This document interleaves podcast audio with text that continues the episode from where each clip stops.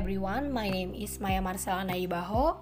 Um, permission to provide response to Putri question.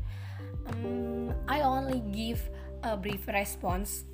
The era of disruption can have an impact on education. In the era of digital disruption, 4.0 brings automation and movement connectivity. The transformation of education and job competition becomes nonlinear. Wherever graduates must have digital technology and human literacy skills. Thank you, everyone.